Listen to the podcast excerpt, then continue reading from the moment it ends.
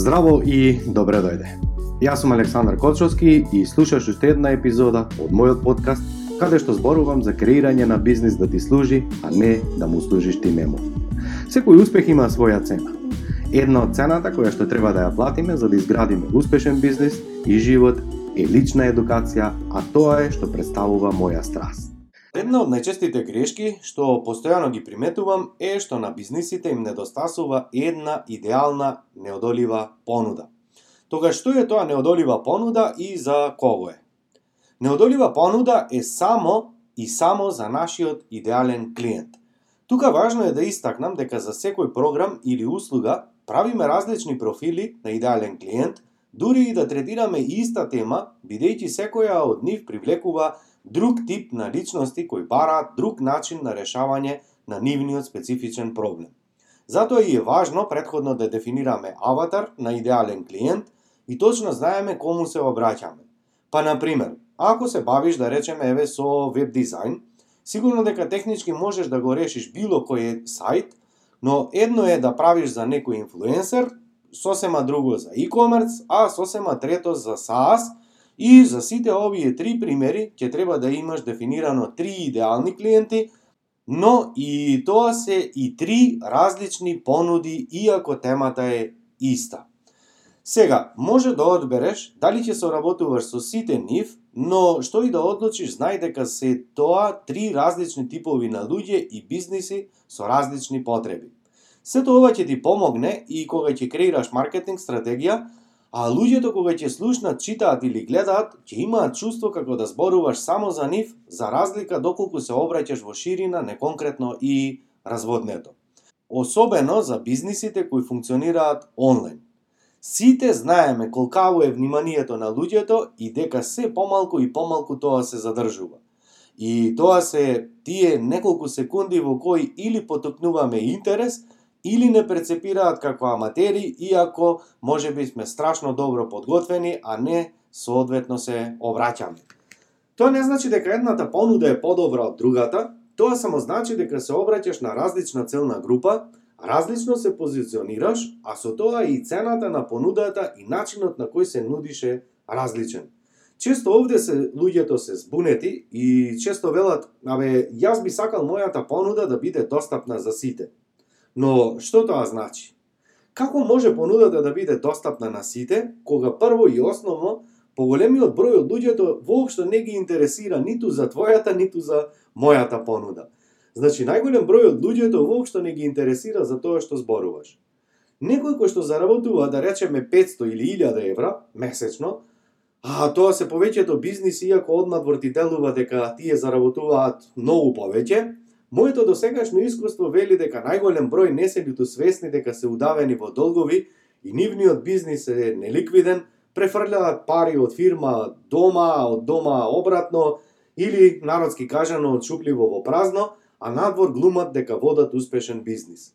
Како сакаш да те разбере и купат од твојата услуга, која чини да речеме 10.000 евра, кога тие размислуваат само како да го прехранат нивното семејство не се сликите на Инстаграм и Фейсбук реалноста за нивниот бизнис. Значи, да бидеш достапен секому е невозможна мисија. Така можеш само да излечеш грешни заклучоци дека кај нас нема клиенти, луѓето не те ценат, народот нема пари и со тоа само да го убиеш твојот бизниса и себе.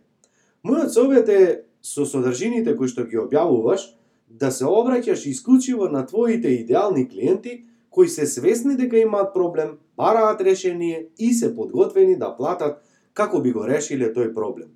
Ако не се свесни дека имаат проблем, тогаш не ти вреди да имаш и 100 понуди. На тие луѓе ти немаш потреба ништо да им објаснуваш што се содржи твојата понуда, програма, колку трае, колку чини и слично.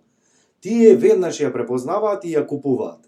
Ваквиот тип на клиенти буквално прашува каде да платам, и како може да почнеме со работа. И ова ти го тврдам 100% најодговорно, а останатите ќе те испрашуваат до бесвеш, што не е лошо. Тоа значи дека ги интересира, но исто така и значи дека се збунети и не можат да одлучат. Има една фраза која гласи дека збунет човек не купува. Тоа е таа единствена група со која што треба да работиш, бидејќи секој еден кој треба да го влечеш, да го гураш, да го убедуваш и му објаснуваш, не е зрел како клиент, а подобро е да го оставиш да созре, исто како цреша. Ја чекаш. Додека твојата платена содржина, овде мислам на луѓето кои што се бават со едукација, исклучиво е наменета за твојот идеален клиент и е релевантна, а твојата бесплатна содржина може и не само што може, туку и треба да биде достапна за сите, како што јас во овој момент тоа го правам, бидејќи не мораат да платат со пари, но немој да забораваш дека секако плаќаат со време, а тоа е и вредна валута. Така да, иако е бесплатна, треба да биде корисна и исто квалитетна. Тоа е исто што и сега, додека го слушаш овој подкаст, односно подкаст епизода, фактички ти ми го даваш своето време кое е ограничено, а јас ти благодарам што го трошиш твоето време и го слушаш овој подкаст. Значи, да бидеш секому достапен, буквално не значи ништо. Оно што е исто така важно, кога креираме неодолива понуда, треба исто да внимаваме да не ги збуниме луѓето. Кога си на почетокот како јас во 2009 јас тогаш воопшто не купував онлайн програми или бизнес мастермен.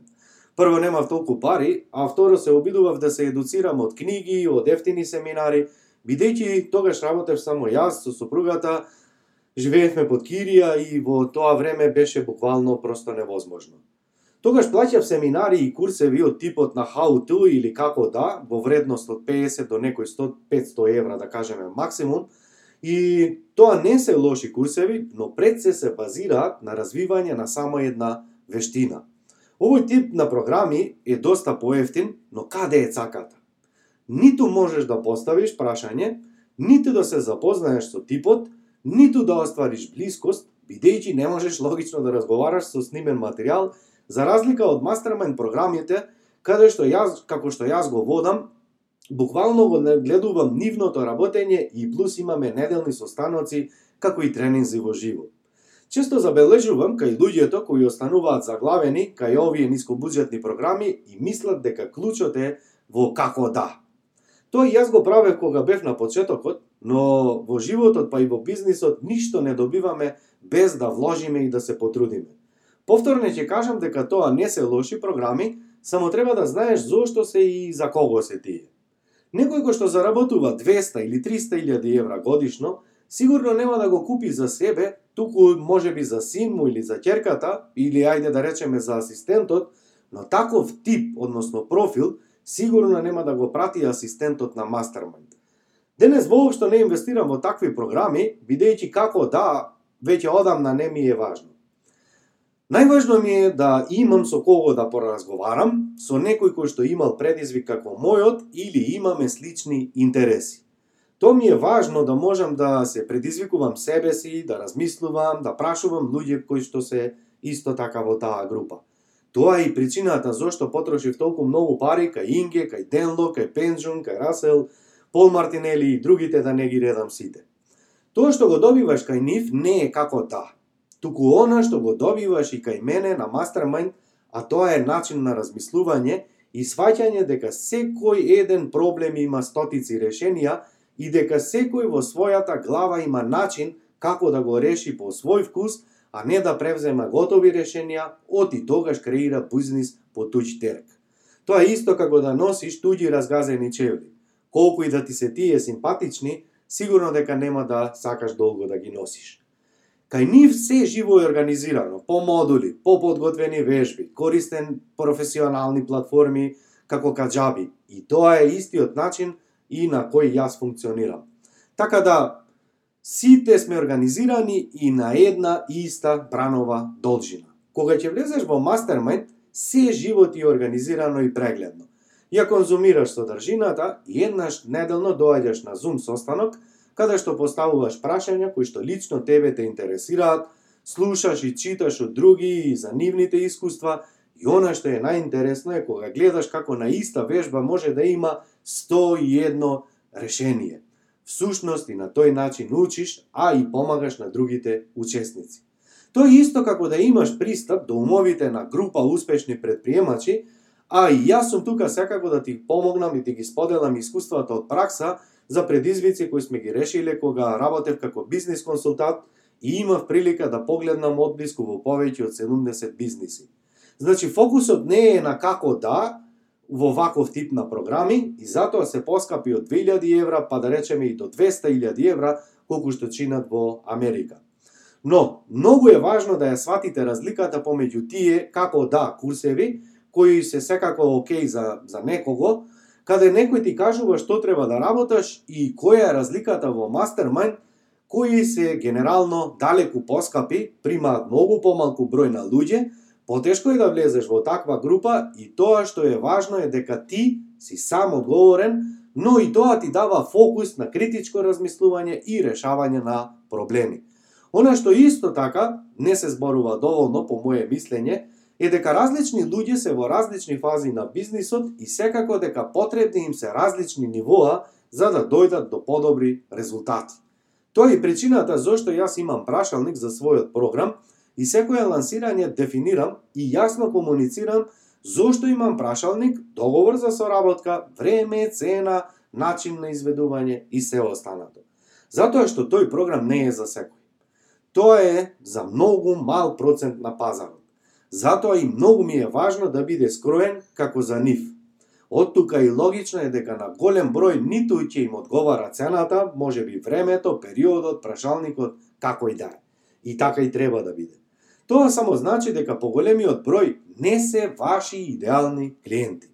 Од друга страна, кога е во прашање онлайн курс, на него има повеќе луѓе, бидејќи луѓето логично сакаат да купуваат како да курсеви, бидејќи мислат, еве сега некој ќе ми каже јас како да го решам овој проблем. Тоа не е лошо. Само мене тоа не ме интересира во моментот, и ме интересираше пред 14 на години, кога бев на тоа ниво. Не велам дека е лошо за некој кој е на самиот почеток на бизнисот и него на вистина му треба. Што е уште предност да се одлучите за една понуда? Без разлика дали ќе се одлучите таа да биде онлайн или офлайн. Огромна предност кога имаме една понуда е што во таа понуда го истураме цело наше знаење и искуство во едната таа понуда. Предноста е што, работејќи на една, секоја година одново и одново, од почеток и од почеток, ја подобруваш, ја вежбаш како да продаваш и начинот на кој што ги воведуваш луѓето, начинот на кој што ја дистрибутираш, начинот на кој што работаш со луѓето и подоцна начинот на кој што ја завршуваш и ги пушташ луѓето да одат во свој пат доколку одлучат да не продолжат со соработка. Ова ретко луѓето го размислуваат колку всушност е моќно кога работите една работа одново и одново бидејќи тоа е единствениот начин да станеш експерт за таа работа. Кога знаеш дека со една понуда си завршил успешно. Во тој момент, кога луѓето ти се јавуваат да ја купат и чекаат ред како за iPhone во парк пред продавница. Секако некогаш ќе ти се јават и некои кои што не ти се идеални и тоа не е ништо страшно. Затоа е прашалникот цената, нели, за да ги одбие. Затоа се зум со станоците за да направиш дополнителен филтер, како би знаел дали потенцијалниот клиент е добар фит за тебе и сте нормално заедно. Тоа се потенцијални филтри за да го заштитат твојот програм, услуга, тим, ресурси, но и твоите идеални клиенти. Бидејќи, ако имаш некој на кој што не му е место тука, ќе им ја обори енергијата на сите, ќе ги спушти критериумите, а со тоа ќе почнеш да бараш проблем таму каде што не постои. Ако беше на тренингот кој што го има во Филтон во февруари, тогаш точно знаеш на што мислам. Тоа е и поентата со идеалната понуда. Едни да ги прифати, а други да ги одбие. На тој начин со време добиваш војска од клиенти со кои што уживаш да соработуваш и што е најважно, твојот бизнис е скалабилен и не му е потребно постојано да ги зголемуваш ресурсите, вработуваш куп луѓе, со кои што веќе не знаеш што да правиш и одиш кон она што најчесто го гледам во пракса, а тоа е бизнисот да ги, разна, да ги надрасне собствениците, губат контрола над него, не можат да се носат со проблемите и на крајот му стануваат роб. Тука клиентот, да се разбереме, плаќа со време, пари и енергија, но она што често го забораваме е што и ние исто така плаќаме.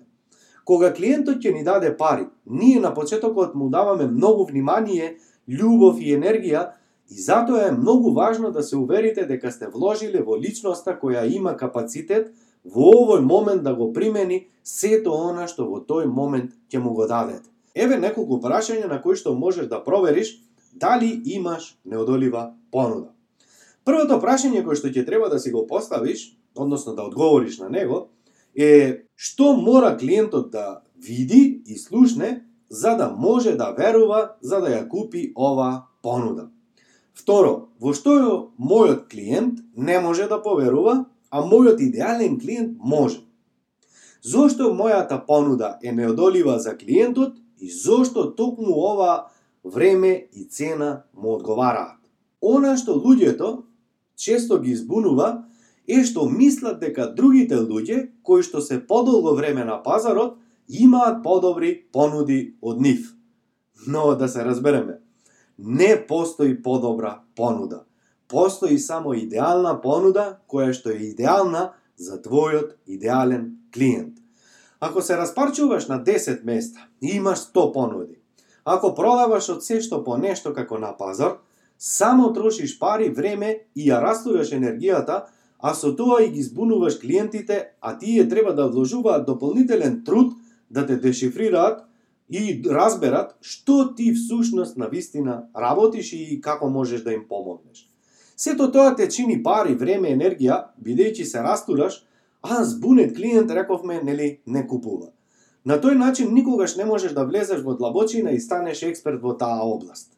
За да клиентот ти поверува и купи, тој мора да види дека имаш конзистентност и да се чувствува комфорно кога ја купува таа понуда знаејќи дека ти си експерт во тоа и му помагаш да го реши тој негов специфичен проблем. Оти сите мислат има дека имаат само за нив нели најголем проблем и дека нивниот бизнис е специфичен, дека они се различни и сето тоа е нормално. Ако види дека ти си како на пазар, тешко дека ќе ти даде да му го решиш тој проблем, а и тешко дека ќе ти даде повеќе од 20 или 50 евра. И друго, во море и период како денес, кога сите бизниси веќе личат еден на друг, кога сите разговараат на ист речник, кога сите понуди се исти или слични, како клиентот да препознае дека токму ти си решението за неговиот проблем. Ако секој втор ти вели, може попуст, да размислам, да се слушнеме, па не знам, ајде да се слушнеме, па ќе ти се јавам и слично, тоа само значи дека не ти верува и изгледаш и звучиш како и сите останати со кои што имал прилика да разговара. Втората грешка што најчесто ја приметувам кај понудите е што во таа понуда никаде не може клиентот да препознае што треба јасно да направи како би ја добил таа понуда. Луѓето не зборуваат јасно и имаат, знам дека имаат премногу верувања во врска со продажбата, а од тука и тешко комуницираат како да кријат, како да се влечат, и едноставно клиентите се збунети. Па, на пример, еве како јас го, го решавам тоа. Мојот програм се вика Mastermind. Започнуваме со новата група на 15 септември. За да се приклучиш, пополни ја пријавата, пополни во прашалникот. Програмот трае 4 месеци, еднаш неделно се гледаме на Zoom, секоја е последна среда во месецот се гледаме на целодневен тренинг во Хотел Хилтон, кратко, јасно. Идеален е за луѓе кои што се повеќе од 5 години, во бизнисот и се уште работаат по цел ден, телефонот постојано им звони, не може да вработаат луѓе и да се искачат на 100.000 евра годишна заработка. Да видиме за кого не е, не е добар за луѓе кои што се сами во бизнисот, како фризери, козметичари, бербери или самостојни занечи, бидејќи тоа не е бизнис, туку е само вработување и слично. Тука луѓето зборуваат многу завиено, прикриено, нејасно, И луѓето имаат чувство како некој да ги манипулира или ги прикрива. Значи, немојте да се плашите и зборите отворено. Научно е докажано дека луѓето треба по 16 пати да видат нешто по мрежите за да ја запаметат.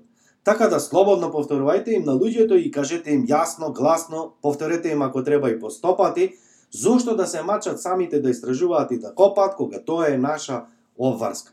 Трета грешка која што често ја гледаме неусогласена цена и позиционирање. Пример. Некој работи во определена индустрија, во неговата фирма или неговата фирма постои 20 години, а цената му е 100 евра. Просто не е во ред, нели? Како некој да ти верува кога изгледаш исто како, не знам, еве, да продава некој iPhone за 50 евра, нов iPhone, и прво што ќе помисли клиентот е дека е или е украден или е дека е фалц. И за самиот крај, ако немаш неодолива понуда, види кои овие три работи предходно за кои што зборував, може би треба да ги коригираш. Ако се уште немаш креирано идеална понуда, преслушај епизодата уште еднаш и одговори на прашањата. Пред да научиш да продаваш за таа идеална понуда, треба да научиш да ја комуницираш на негов разбирлив јазик и му ги објасниш чекорите до резултатите и важноста на заедницата во која ќе биде. Бидејќи тоа е многу важно. Со кого ќе води разговор на негово ниво, со кого ќе има прилика да се советува и слично. Оти нашата моќ на окружувањето е нешто што менува буквално се. Така да, ако имаш програм или услуга како мојот, тоа е важна состојка и немој тоа да го да го да го скокнеш или да не го спомнеш. Исто важно е и учењето за продавање и изведување на таа понуда е нешто со што секако треба потребно време. И ако имаш 10 понуди, буквално со среќа нека ти. Не знам како ќе успееш да имаш нормален живот, да имаш одлично здравје, пристоен или нормален семеен живот, да имаш хоби, да патуваш и уживаш во животот, а ајде да, да за момент само сети се и замисли зошто уствари го започна бизнисот. Тогаш ќе се претвориш у некој кој што размислува 24/7 365 на својата работа и објаснува на луѓето постојано и постојано што продава, а тие мрдаат со главата и со очите и ништо не го разбираат. Значи, клиентите купуваат кога ќе се чувствуваат добро, кога ти веруваат, кога те разбираат, а како ќе те разберат ако продаваш 100 работи и не си конзистентен. Денеска им зборуваш за едно, другиот месец за друго и на крајот повторно ќе кажам, седамо се збунуваат. Немој да си подцениш колку време ќе ти биде потребно да научиш и да продаваш некоја понуда. Дали е тоа курс, мастермајнд, коучинг еден на еден, групен коучинг, еден а, идеален дом, идеален сајт, не е битно воопшто. Секоја понуда има одредено време за кое ти е потребно да ја научиш. Јас ја продавав работилницата, открите го вашиот скриен потенцијал, буквално цели 3 години. Работилницата финансиска писменост 4 години. Па дури потоа започнав со мастермајндот, а за сето време предходно работев како консултант за развој на мали и средни предпријатија. Сега во септември ја отварам можноста за упис на третата група во Mastermind, значи константно продавам една иста понуда. Така да наместо да се фокусирате на 50 работи во исто време и светите како сијалица, бидете прецизен како ласер и работете на една понуда се до една годишна заработка од барем половина милион евра и научете го како вашиот идеален клиент диши. Е, потоа ќе работите, после 2-3 години, тогаш ќе можете да, да работите на следна, на втора, на трета или некоја си друга понуда. Значи, секоја понуда е исто како нов бизнис. Различни клиенти, различно време и фактички почнуваш од нула и тоа е нешто што нетрпеливите луѓе не успеваат. Ти благодарам што одвои време да ме слушаш на овој подкаст Доколку сакаш да соработуваш со мене, најдоброто место е да се информираш за актуелните понуди е www.aleksandarkochovski.com и секако немој да заборавиш да се претплатиш на мојот newsletter каде што исто споделувам бесплатни информации и навремено ќе дознаеш за сите бесплатни онлайн тренинзи.